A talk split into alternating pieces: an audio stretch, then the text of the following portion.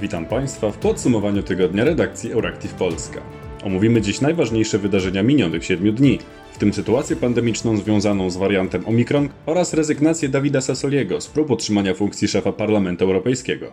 Nazywam się Bartosz Sieniawski, a w wirtualnym studiu znajduje się także Patrycja Gosk. Wydawczynią i realizatorką podcastu jest Kinga Wysocka. Rozłam w parlamentarnej lewicy. Piątka polityków, w tym oboje lewicowych senatorów, opuściło koło parlamentarne lewicy i utworzyło nowe pod szyldem Polskiej Partii Socjalistycznej. Politycy, którzy opuścili ugrupowanie Włodzimierza Czarzastego, to senator PPS Wojciech Konieczny, posłanka Joanna Senyszyn, poseł Andrzej Rozenek, senatorka Gabriela Morawska-Stanecka oraz poseł Robert Kwiatkowski. Miarka się przebrała, mówiąc w największym skrócie. E, liczba takich e, zachowań, które ja jednoznacznie definiuję jako niedemokratyczne, zawieszanie ludzi w trakcie głosowania, zawieszanie jednej trzeciej zarządu, bo no, zarząd sprzeciwiał się tej, a nie innej metodzie połączenia partii SLD z partią Wiosna. E, no to wszystko spowodowało, że, że, że uznałem, a także przebieg kongresów wojewódzkich, że ja i moi koleżanki i koledzy uznaliśmy, że nie ma, nie, nie ma dla nas miejsca w partii niedemokratycznej. Wydarzenie wywołało burzę w środowisku lewicy. Powodem rozłamu miał być konflikt parlamentarzystów, zwłaszcza Joanny Senyszyn i Andrzeja Rozenka, z Włodzimierzem Czerzastym, któremu posłowie zarzucają niedemokratyczne przewodniczenie lewicy. Polska Partia Socjalistyczna wróciła tym samym do Sejmu po kilkudziesięciu latach. Organizacja istnieje od 1892 roku i przed wojną brała aktywny i czynny udział w tworzeniu społeczno-politycznej rzeczywistości II RP.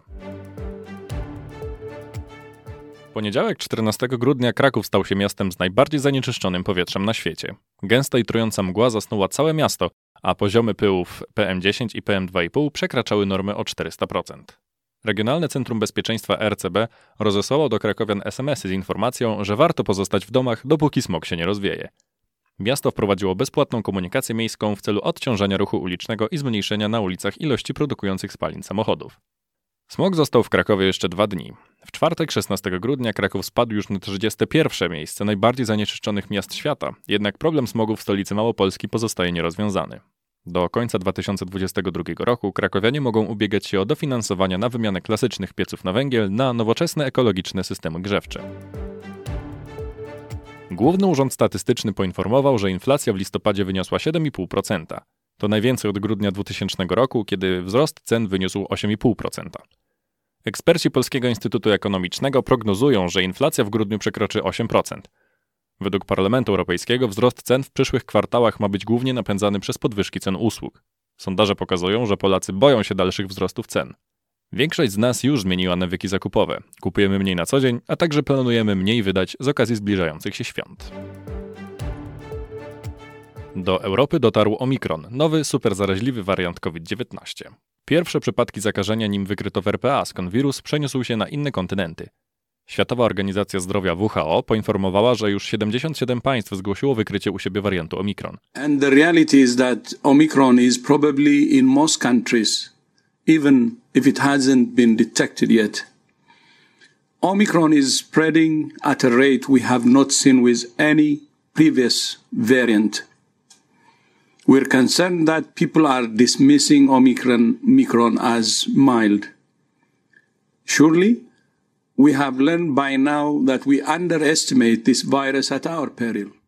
Jest on znacznie bardziej zaraźliwy niż wariant Delta, a także różni się genetycznie.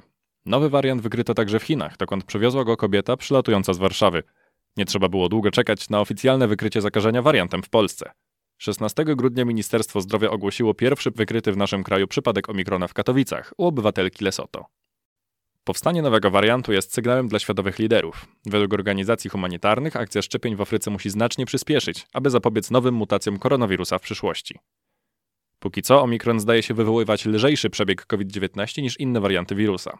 Południowoafrykańscy lekarze zwracają uwagę, że nie została jeszcze u nich zarejestrowana śmierć osoby zakażonej tym wariantem.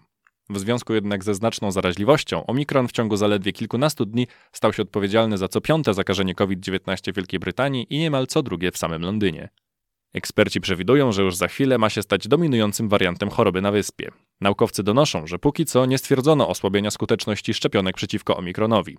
Pierwsze badania dowiodły, że szczepionka Pfizera wykazała około 70% skuteczności przy odparnieniu na Omikrona.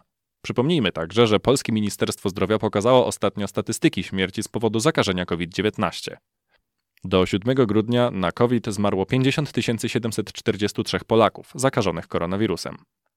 A teraz Patrycja powie o tym, kto może zostać następnym szefem Europarlamentu.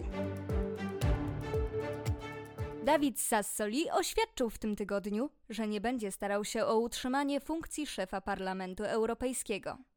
Co więcej, postępowy Sojusz Socjalistów i Demokratów, do którego należy Sassoli, nie zamierza w ogóle wystawiać kandydatury na stanowisko przewodniczącego tej instytucji. Nie chce rozbijać Europejskiego Frontu. Tak, według rzecznika Sassoli tłumaczył swoją decyzję podczas forum SND. Odniósł się w ten sposób do sporu w kuluarach Parlamentu Europejskiego między socjaldemokratami a Europejską Partią Ludową. Zdaniem Hadeków, umowa, jaką zawarli w 2019 roku z socjaldemokratami i liberałami, przewidywała, że w połowie kadencji parlamentu SND oddadzą im stanowisko.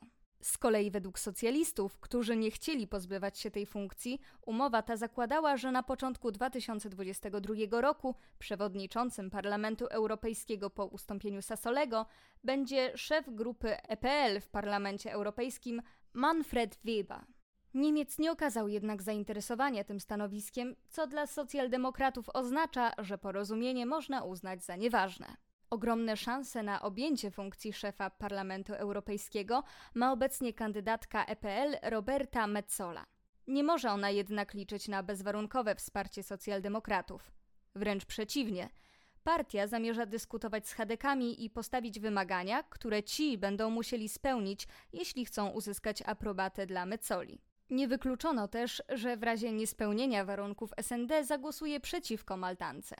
Kilka godzin przed oświadczeniem Sasolego przewodnicząca grupy SND Iracze Garcia poinformowała członków frakcji, że nie udało jej się zbudować wystarczającej koalicji wśród liberałów, która poparłaby kandydata socjalistów.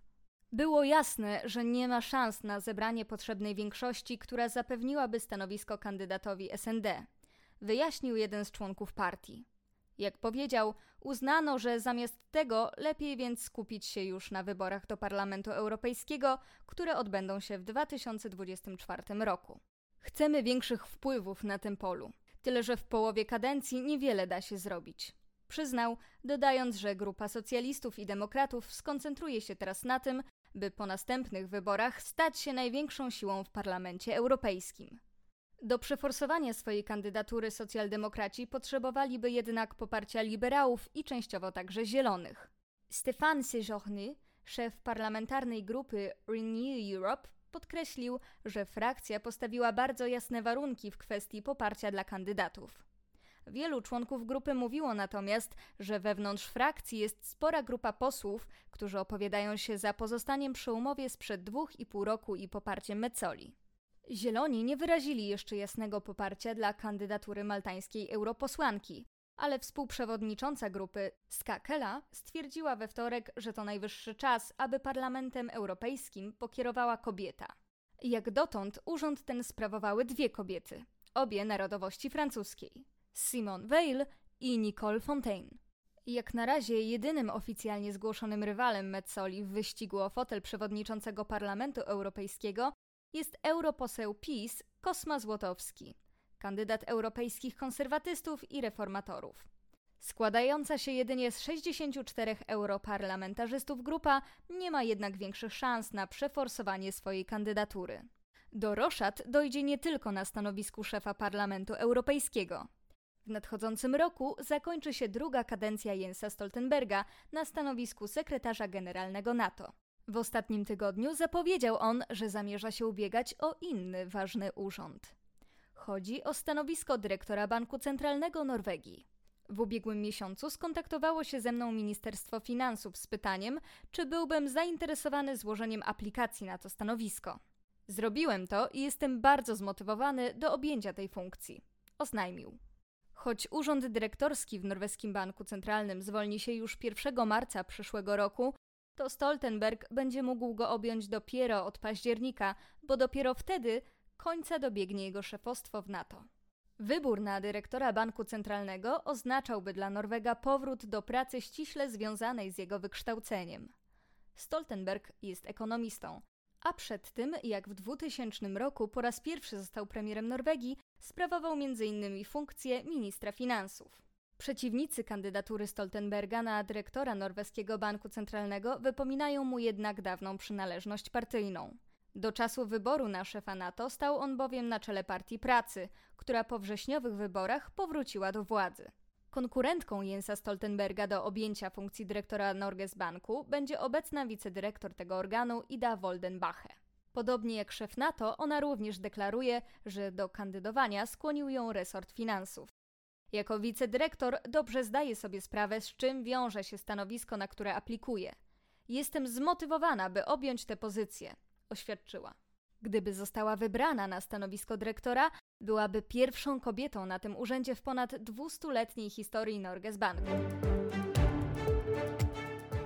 To już wszystko w dzisiejszym podsumowaniu tygodnia Euractiv Polska. W imieniu całej redakcji życzę Państwu udanego weekendu i do usłyszenia za tydzień.